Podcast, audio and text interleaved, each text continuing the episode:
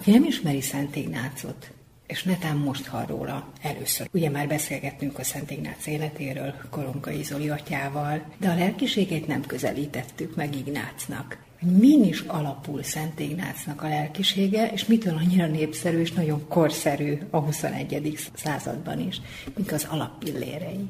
Ami számomra a legfontosabb, az az, hogy ő abban tud segíteni, hogy megtaláljuk Istent mindenben. Ez egy ilyen terminus technikus, amit szoktunk használni, de valójában ami, ami a nagy segítség szerintem, hogy a személyes Isten kapcsolatra tud elsegíteni. Tehát nem csupán arról van szó, hogy szép imákat mondunk Istennek, vagy okosakat gondolunk és elmélkedünk Istenről, hanem abban tud segíteni, hogy párbeszédbe kerüljünk Istennel, hogy személyes kapcsolatba, hogy bensőséges kapcsolatba kerüljünk Istennel, hogy oda tudjunk figyelni rá, tehát hogy párbeszédbe legyünk, és, és a fontosabb dolog az, amit ő mond, hogy meghalljuk, hogy Isten mit szeretne velünk közölni, és az alapján alakítsuk az életünket. Valójában mindenki erre vágyik, csak valahogy nem tudjuk megvalósítani. Tehát mi kell ahhoz, hogy a hétköznapokban, a mindennapokban, a szürke hétfőkbe, szerdákba meghalljuk a Jóisten szavát, üzenetét? Ahhoz, hogy napi 24 órában meghalljuk őt, ahhoz nagyon fontosak, hogy legyenek elkülönített imaidőink. Lehet, hogy csak egy negyed óra, lehet, hogy csak egy fél óra. Az egy minőségi idő csak Istennek, amikor csak ráfigyelek.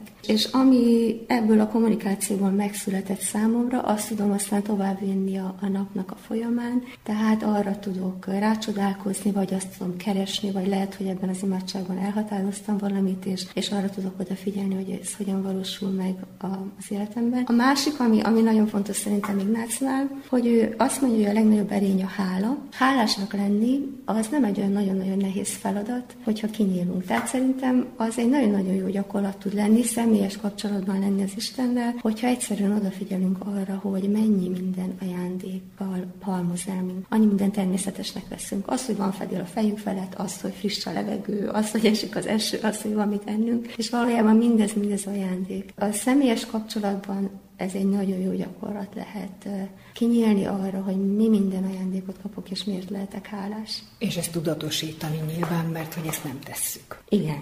Ignáci lelkiségnek egy másik ilyen kulcsfogalma talán a reflexió, vagy a visszatekintés. Ignáci ebből egy napi gyakorlatot is végez, amit ugye examennek szoktunk hívni, hogy legalább a nap végén, de lehet, hogy, hogy nap közben is tekintsük vissza arra, hogy mi történt velünk, és ez egy ilyen tudatosítási gyakorlat, hogy mindez, ami történt, az hogyan beszél Istenről. Vagy azt is mondhatom, hogy Isten mit akar velem kommunikálni azáltal, ami történt velem a nap folyamán. Tehát mindent fel lehet használni a hétköznapi mozzanatokból, cselekvés sorozatunkból arra, hogy, hogy mindenben Isten keressük? Gerald Hughes mondja, hogy, hogy Isten a valóságban van, és azért a valóság jó. Tehát minden, ami, ami megtörténik velünk, és egy barátom mondta egyszer, hogy, hogy ami történik velünk, aztán sokkal fontosabb annál, mint amit mi elhatározunk, hogy mi fogjuk megtenni.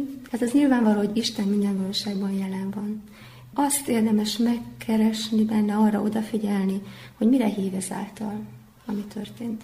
Most, aki tényleg nem hallott semmit Ignácról, azt mondja, igen, ez mind nagyon szép, értem is, de hogyan csináljam, hogyha nincs lelkivezetőm? Kell ehhez lelkivezető? Mi kell ahhoz, hogy én, én tényleg ráhangolódjak, vagy tudjam azt, hogy, hogy Ignácnak milyen módszere van arra, hogy én valóban megtaláljam mindenben a Jóistent? Az nagyon jó, ha van lelkivezető, Szerintem sokkal több lelkivezetőre lenne szükség, mint amennyi pillanatnyilag elérhető. De egyedül is lehet végezni ezt a gyakorlatot. Ignásznak két kulcsfogalma a vigasz és a vigasztalanság. Tehát amikor visszatekintek egy napra, és keresem, hogy abban hogyan volt jelen a Jóisten, akkor arra érdemes odafigyelni, hogy milyen belső megmozdulásaim voltak és mondhatom, milyen érzéseim voltak, mi töltött el örömmel, mi töltött el fájdalommal, mi töltött el szomorúsággal, mi töltött el békességgel, mi töltött el haraggal, és ezekre a pillanatokra lehet odafigyelni, hogy akkor ennek most mi az üzenete számomra. És még csak Gerald Hughes mondja, hogy amikor így exámenezünk, akkor érdemes arra odafigyelni, hogy hogy mi az, ami örömmel töltött el. Hogy ha azt láttam, vagy azt tapasztaltam meg, amit a mi atyánkban kérünk, hogy szenteltesse meg a te neved, jöjjön el a te országod, legyen meg a te akaratod, ez a vigasz. Ez az, amikor növekszik az Istennel való kapcsolatnak a bensősége, növekszik a hit, növekszik a remény, növekszik a szeretet. Vagy azt mondja, hogy Vagy azt töltött el örömmel, hogy szenteltessen meg az én nevemérnel, az én országon legyen meg az én akaratom. Tehát én vagyok a középpontban, ami sekélyesíti az Istennel való kapcsolatot. És ugyanígy ezt mondja a úgynevezett negatív érzésekről is, hogy mit töltött el fájdalommal, szomorúsággal, haraggal, hogyha azt tapasztaltam, hogy nem az Isten szenteltetett, meg nem az ő akarata lett, vagy azt töltött el negatív érzésekkel, hogyha nem én voltam a középpontban, nem az történt, amit én szerettem volna, nem engem dicsértek. Ez egy nagyon jó gyakorlat arra odafigyelni, hogy, hogy mi az, ami mélyíti a kapcsolatot Istennel, és mi az, ami sekélyesíti. Gyakorlatilag mindig egy fókusz az Istenre, hogy ő hol van jelen. Amikor tanultam a lelkivezetést, akkor ezt a hasonlatot mondta az egyik tanárom, hogy amikor visszatekintek a napomra, akkor hagyjam, hogy az úgy elvonuljon előtte, mint egy vonat, és nézzem meg azt, hogy mi integet ki belőle. Tehát ami, ami öröm, vagy szomorúság, vagy fájdalom, na, azokra kell odafigyelni, ott volt valamiféle belső megmozdulás, és akkor miért is integet? Mit szeretne? Vagy igazából az Isten hogyan integet azáltal nekem? Mire szeretné felhívni a figyelmemet? Valami ilyesmi. Tegyük fel, hogy ebből a vonatból maradjunk ennél a hasonlatnál, valami rossz integet, valami negatív, valami szorongató, akkor mit kezdjünk vele? Vissza lehet térni az előző gyakorlatra, hogy vajon mi van ennek a rossz érzésnek a középpontjában, tehát az van-e, hogy, hogy nem az Isten országa valósult meg, nem a szeretet valósult meg, nem a békesség valósult meg, akkor ettől lehet egy pillanatra távolságot venni, rátekinteni, hogy ez történt, akkor most mi az én feladatom? Hogyan viszonyuljak ez a helyzethez?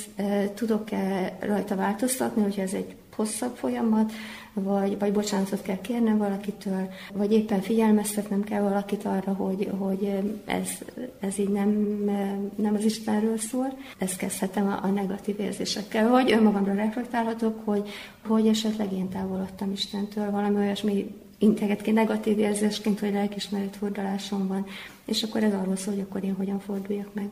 Említette, hogy vegyünk ezektől az érzésektől távolságot. Ez a távolság mit jelent, hogy, hogy hagyjunk időt neki, vagy, vagy ne nagyon bonyolódjunk bele, mert akkor lehet, hogy a fától nem látjuk az erdőt. Távolságütetlen azt jelenti, hogy, hogy rátekintek egy külső szemmel. Amikor lelkismeretvizsgálatot tartunk, akkor mindig azzal kezdjük, az az első lépés, hogy, hogy, vagy az első lépések között van, hogy kérjük azt, hogy Isten szemével lássuk ezt a dolgot.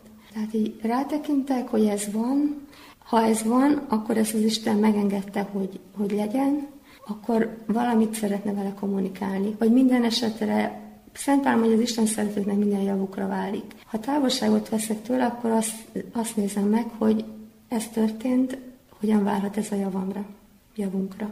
Mindaz, ami van, annak szabad lennie? Ha Isten azt mondja, hogy szabad lennie, akkor nem tehetünk más, mint hogy belesimulunk ebbe az igenbe.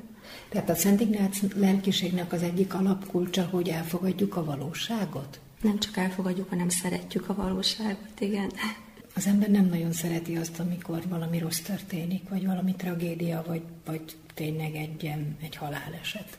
Ezzel együtt nincs olyan helyzet, amiben az Isten nem lenne benne. Igazából azt jó megnézni, hogy akkor mit jelent ebben a pillanatban a szeretet.